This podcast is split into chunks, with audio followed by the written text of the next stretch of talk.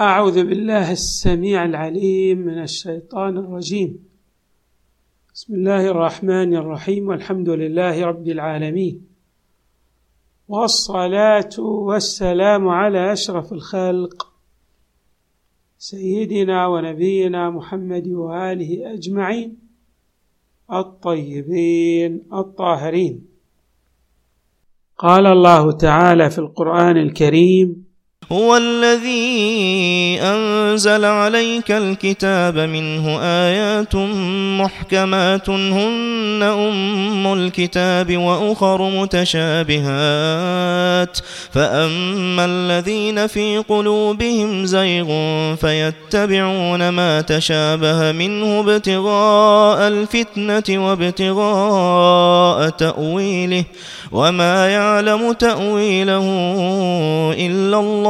والراسخون في العلم يقولون آمنا به كل من عند ربنا وما يذكر إلا أولو الألباب. صدق الله العلي العظيم. القرآن الكريم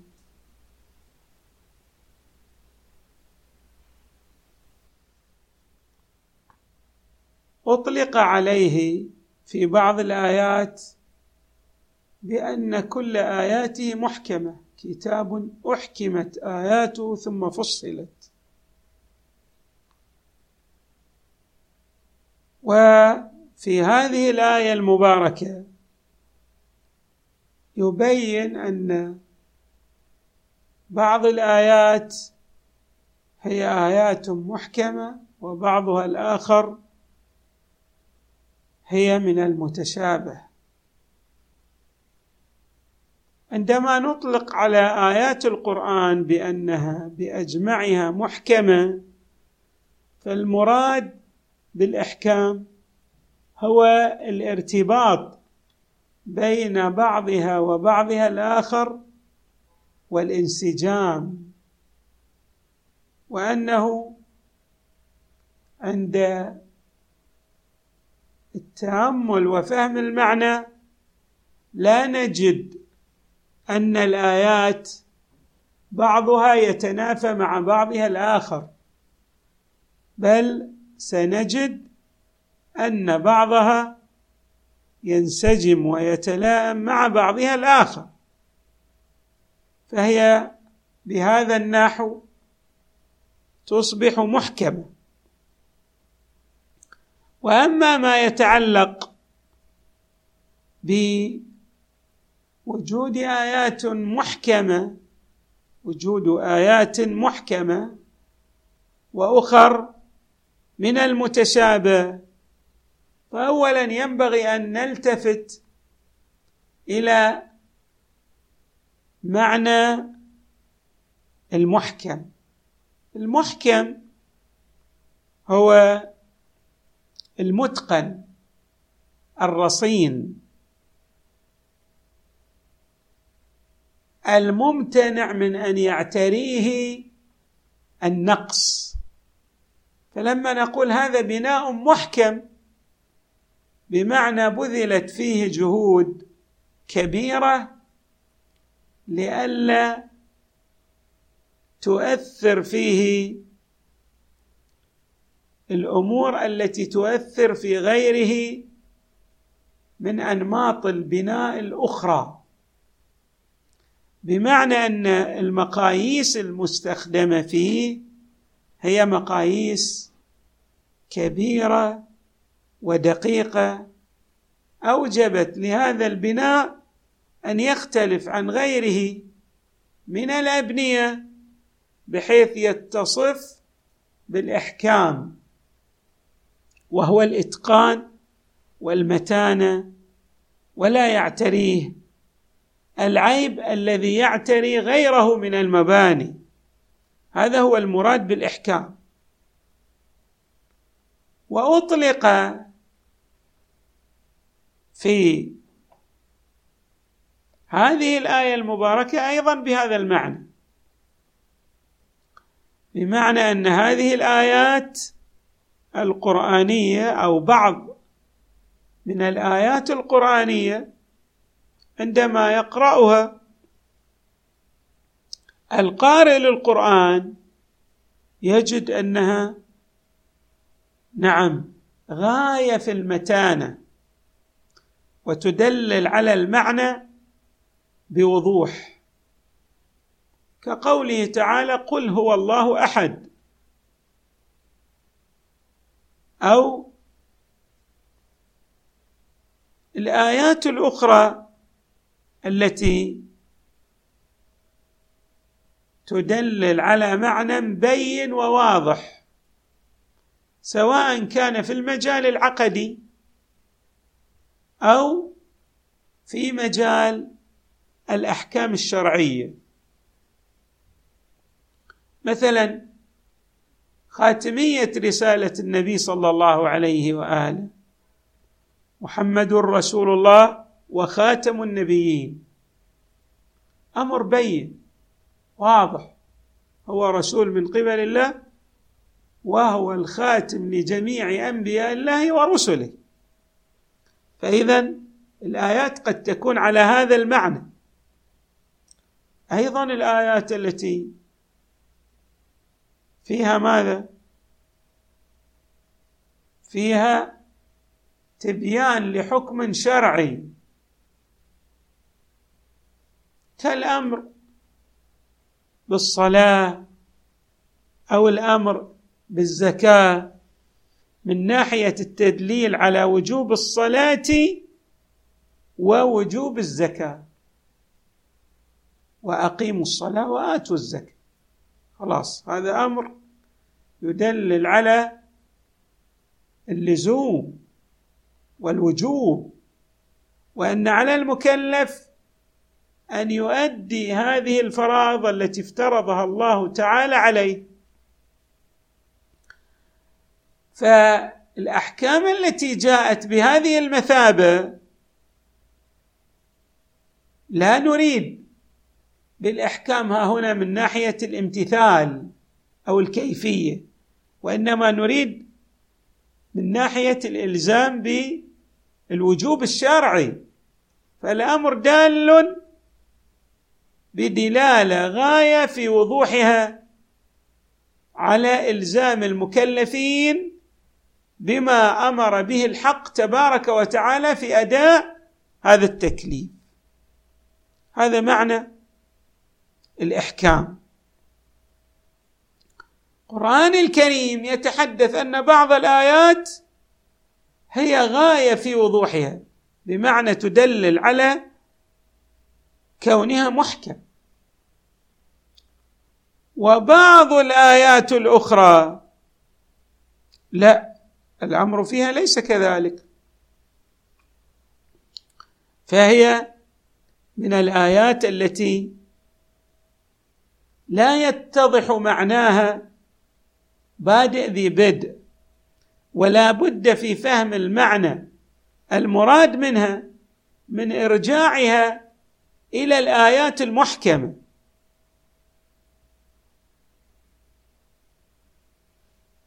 وهذا قد يكون أيضا في المجال العقدي وقد يكون في مجال الأحكام الشرعية.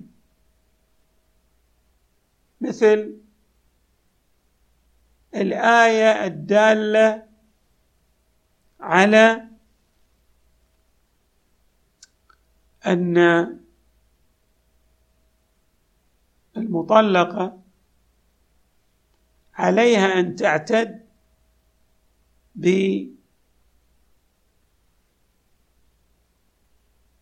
بثلاثه قروء.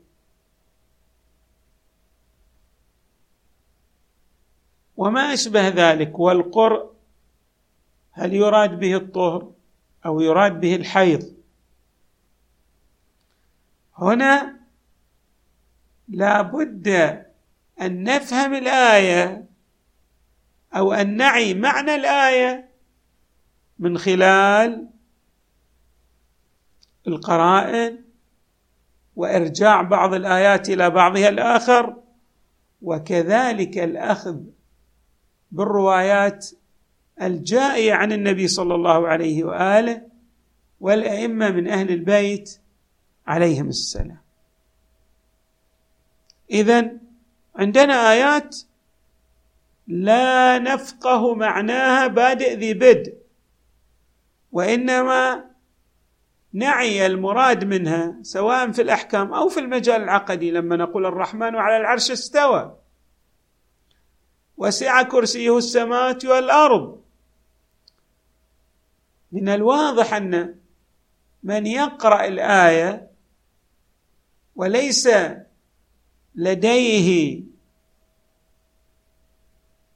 الفهم السليم للجانب العقدي القراني من أن الله تبارك وتعالى ليس كمثله شيء ولا يحيطون به علما. سيفهم من بعض الآيات التجسيم والعياذ بالله. سيفهم من بعض الآيات وجود مكان لله تبارك وتعالى. لكن عندما يرجع بعض الآيات إلى بعضها الآخر سواء في الأحكام كما عبرنا أو في العقائد سيتضح له المعنى بجلاء. اذا عندنا آيات من المتشابه وعندنا آيات من المحكم. الله تبارك وتعالى يبين لنا ذلك. هو الذي أنزل عليك الكتاب منه آيات محكمات. هن أم الكتاب.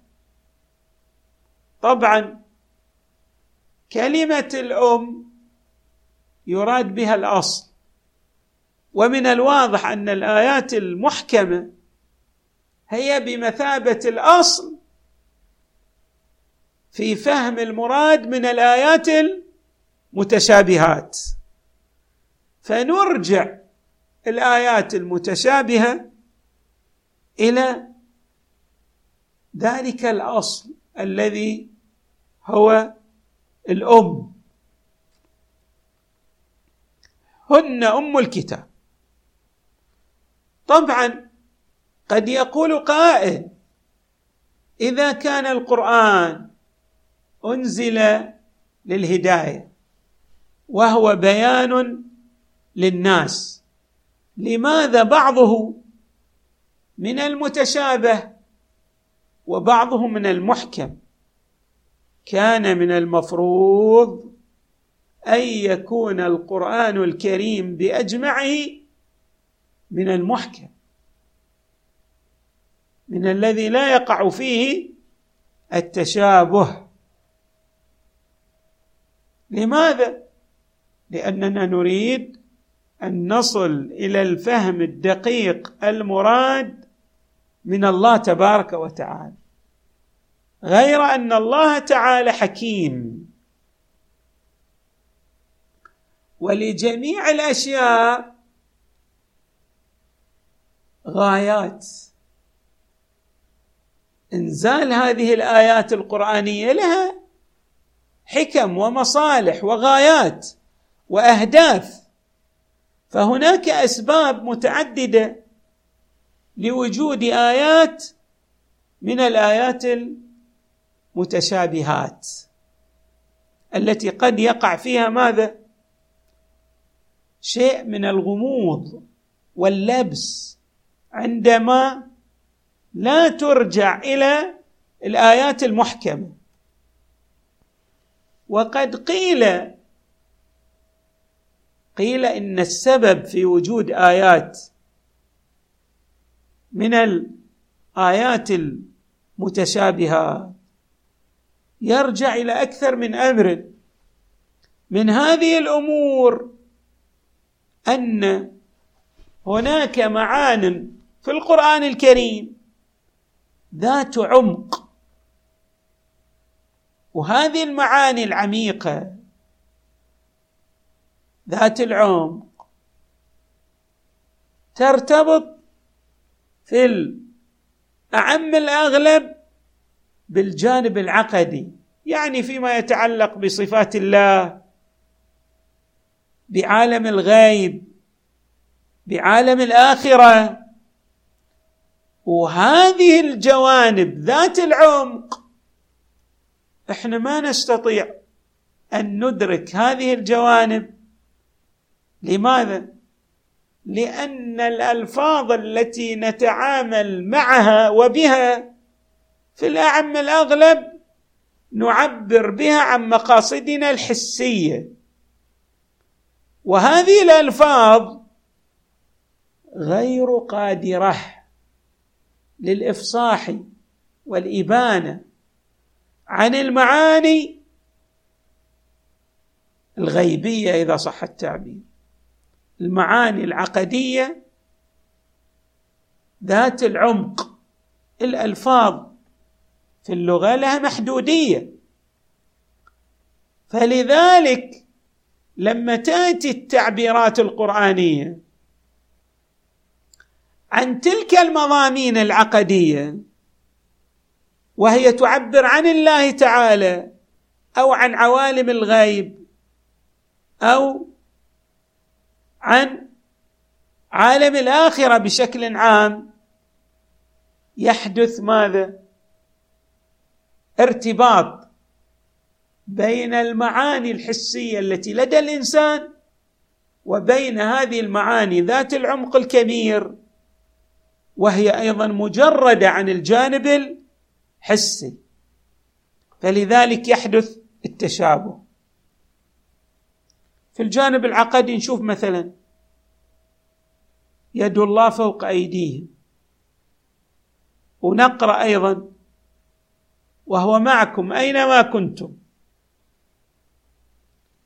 طيب ما هو المراد بمعية الله وايانا نحتاج إلى أن نفقه المعنى الدقيق لمعية الله لأن كيف يكون معنى وهو ليس بوجود مادي إحنا لا نعي إلا المعية المادية لكن عندما نسبر أغوار الفكر العقدي راح نصل إلى معنى من الإحاطة والقيومية. يصح إطلاق المعية على الله بتلك المعاني الدقيقة من القيومية والإحاطة لله على الخلق. فيزول يزول التشابه. يزول الريب يعني يصبح المعنى من المعاني الدقيقة. وهكذا أيضا لو قلنا لو وصفنا الله بأنه سميع بصير ونحن لا نتعقل السمع والإبصار إلا بالجوارح. راح يحدث عندنا ماذا؟ عدم فهم دقيق لصفات الله تعالى. لكن لما نعلم أن المراد بسمعه هو ما يرجع إلى علمه بالمسموعات وببصره تعالى هو ما يرجع إلى علمه بالمبصرات وليس يسمع بجارحه ويبصر بجارحه لأن هذا يلزم منه التركب للذات المقدسة. أيضا من المعاني التي قيلت في الحكمة من وجود المتشابه في القرآن الكريم أن القرآن الكريم يريد أن يحرك الفكر. وعند ما يكون بعض الآيات من المحكمات وبعضها الآخر من المتشابهات عادة يحدث ماذا؟ تأمل تدقيق حركة في الفكر. وأيضا من المعاني التي قيلت أن هذا القرآن يريد أن يربط الناس بالأوصياء للمصطفى صلى الله عليه وآله. وهذا ما يدلل عليه حديث الثقلين. وفي هذا أيضا بيان في حديث الثقلين. لن تضلوا بعدي ابدا. كتاب الله وعترتي أهل بيتي. اذا الربط بين القرآن والقاده الإلهيين. لو كانت المعاني واضحة ما راح يحدث هذا الربط لكن الروايات التي تقول لا يفقه القرآن أو لا يفهم القرآن لمن خطب به. نعم. وهم المصطفى صلى الله عليه وآله والأوصياء المرضيين. من اهله فهناك أيضا حكمة وهدف من وجود المتشابه وهو ربط الناس بالأئمة والأوصية للمصطفى صلى الله عليه وآله. أيضا من الحكم المترتبه على وجود المتشابه أن الله يريد أن يختبر الخلق في كل شيء. كما يختبرهم في الأموال التي يعطيهم إياها في صحتهم يختبرهم أيضا ويبتليهم بما ينزل أو ينزل على الأنبياء والرسل من الآيات حتى يرى المخلص الذي يسير على وفق ما يريده الحق تبارك وتعالى من المنافق. الذي يريد أن يضل الناس بسبب وجود ما يصلح بادئ ذي بدء كما نعبر للإضلال وهو المتشابه. فكيف تعرف المحق من المبطل؟ تعرف المحق الذي يريد أن يرجع إلى الآيات المحكمة. إلى أم الكتاب إلى القادة الإلهيين الذين أوصى بهم النبي صلى الله عليه وآله وتبتعد عن ماذا؟ عن الذين يضلون الناس بالمتشابه من الآيات القرآنية. والحمد لله رب العالمين وصلى الله وسلم وزاد وبارك على سيدنا ونبينا محمد وآله أجمعين الطيبين الطاهرين.